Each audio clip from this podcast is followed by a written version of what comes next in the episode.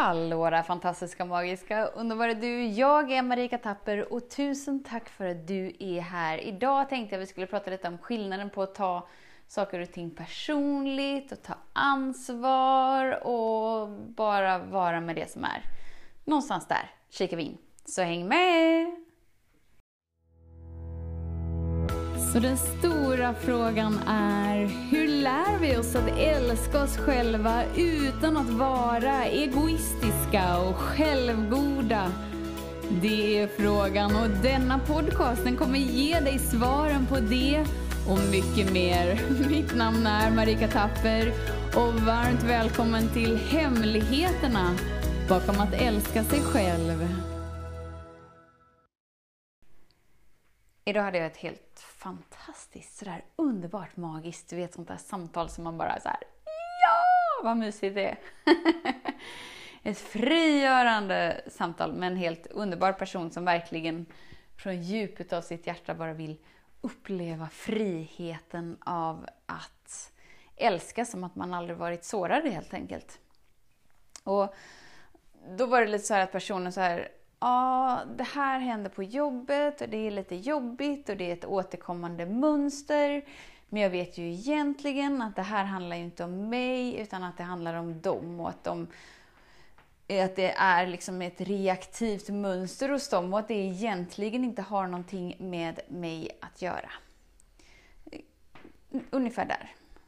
Och antagligen har du också liksom sådana personer som du bara så här, Wow, vad hände här? Oj, vad hände här? Okej, okay, men eh, intellektuellt förstår jag, för att jag har lärt mig att, att hur andra reagerar och hur andra är har ingenting med mig personligen att göra, utan, utan alla liksom bär ansvar för sina egna val. Och det är absolut sant. Absolut sant. Men om du på något sätt blir triggad av det som sker, av någon annan person, då är det upp till dig att ta ansvar för det. Vad innebär det? Jo, säg att någon till exempel blir så här eh, kalasarg. du vet sådär explosionsarg till exempel. Det kan ju vara vilken känsla som helst om, om det gör någonting med dig, inom dig, så vet du att det finns någonting där för dig att ta ansvar för. För någonstans, någon gång har du hamnat i en situation där du har tagit den ilskan som att den är personlig mot dig. Och det är inte så märkligt när vi är uppväxta på planeten jorden, helt ärligt. Eller hur? Någon gång har någon blivit så här kalasarg och fått det till att handla om oss och när vi är små har vi inte medvetenheten till att känna och frigöra och expandera genom situationer utan vi, vi låser in det och bara så här det där jag gjorde var verkligen inte bra, det ska jag försöka undvika att göra igen. Eller hur?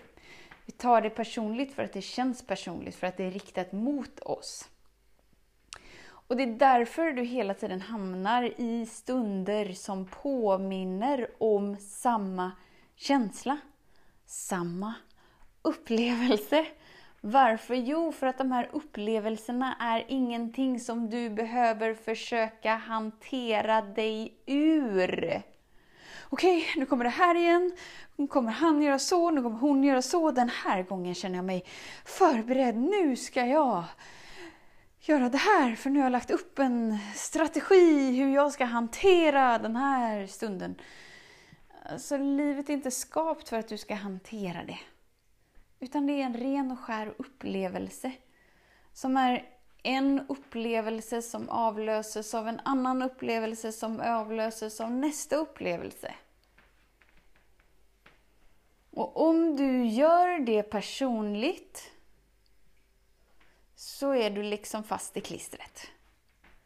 Och om du skyller ifrån dig på att Åh, det där har inte med mig att göra. Och sen går och tänker på det som hände. ja men då är det en inbjudan till dig. Att våga kika på vad är det inom mig jag inte varit villig att känna hittills? Som jag istället går upp i huvudet och försöker hitta strategier för att hantera de stunderna som antagligen kommer hända igen. Eftersom att livet skapas på repeat. För att vi lever i ett kärleksfullt universum som vill att du ska vara fri. Att du ska våga vara du och älska som att du aldrig varit sårad.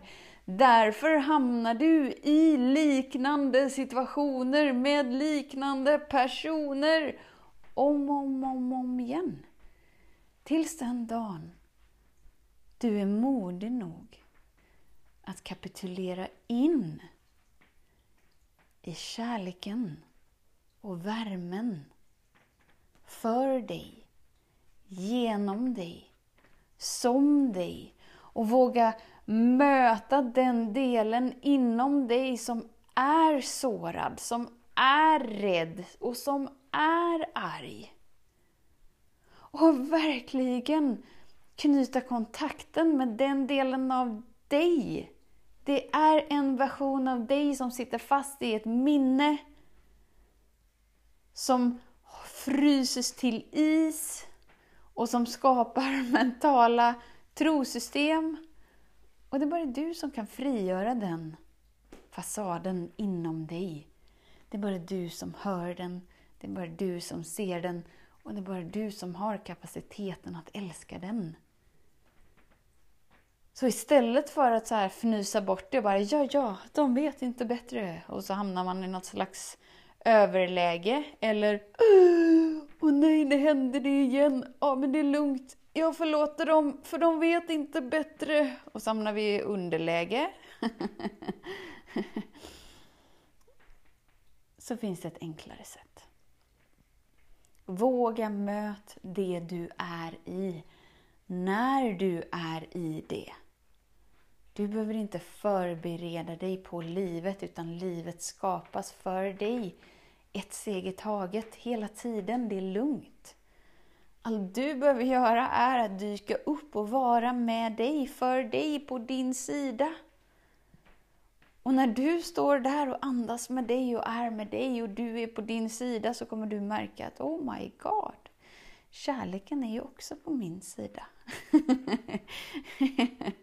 ja, kärleken har ju varit där inom mig hela tiden. Och att det här utrymmet blir större och större och större inom dig. Vilket gör att du hamnar inte i det reaktiva mönstret av att omedvetet reagera längre. Utan du är vaken.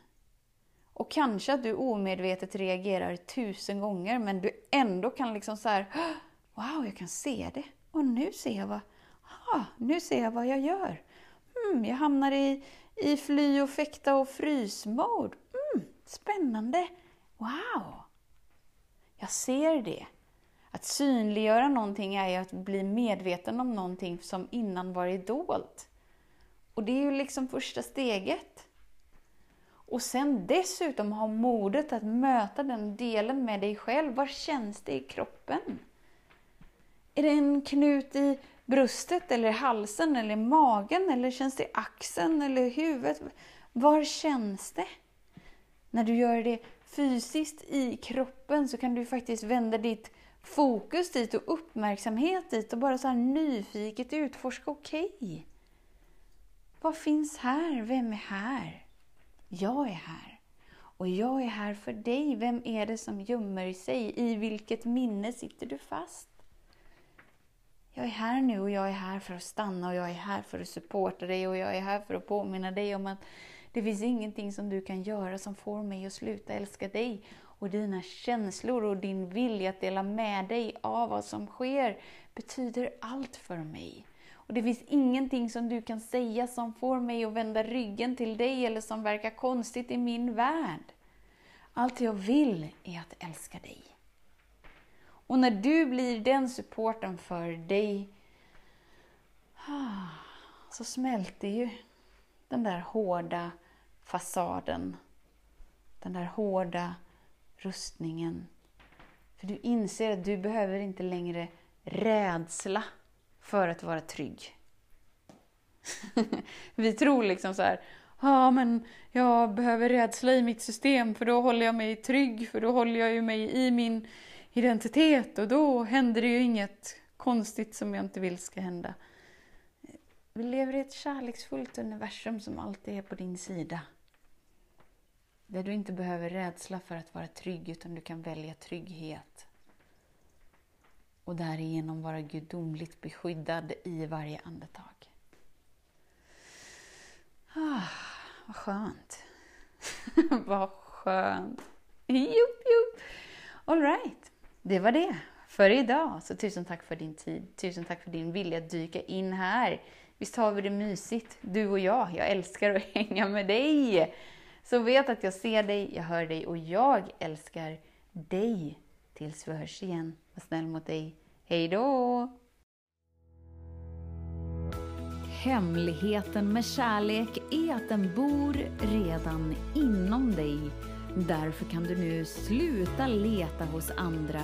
För när ditt fokus är på rätt plats faller du djupare in i kärleken du längtat efter och med lätthet får du uppleva trygghet, värme och frihet.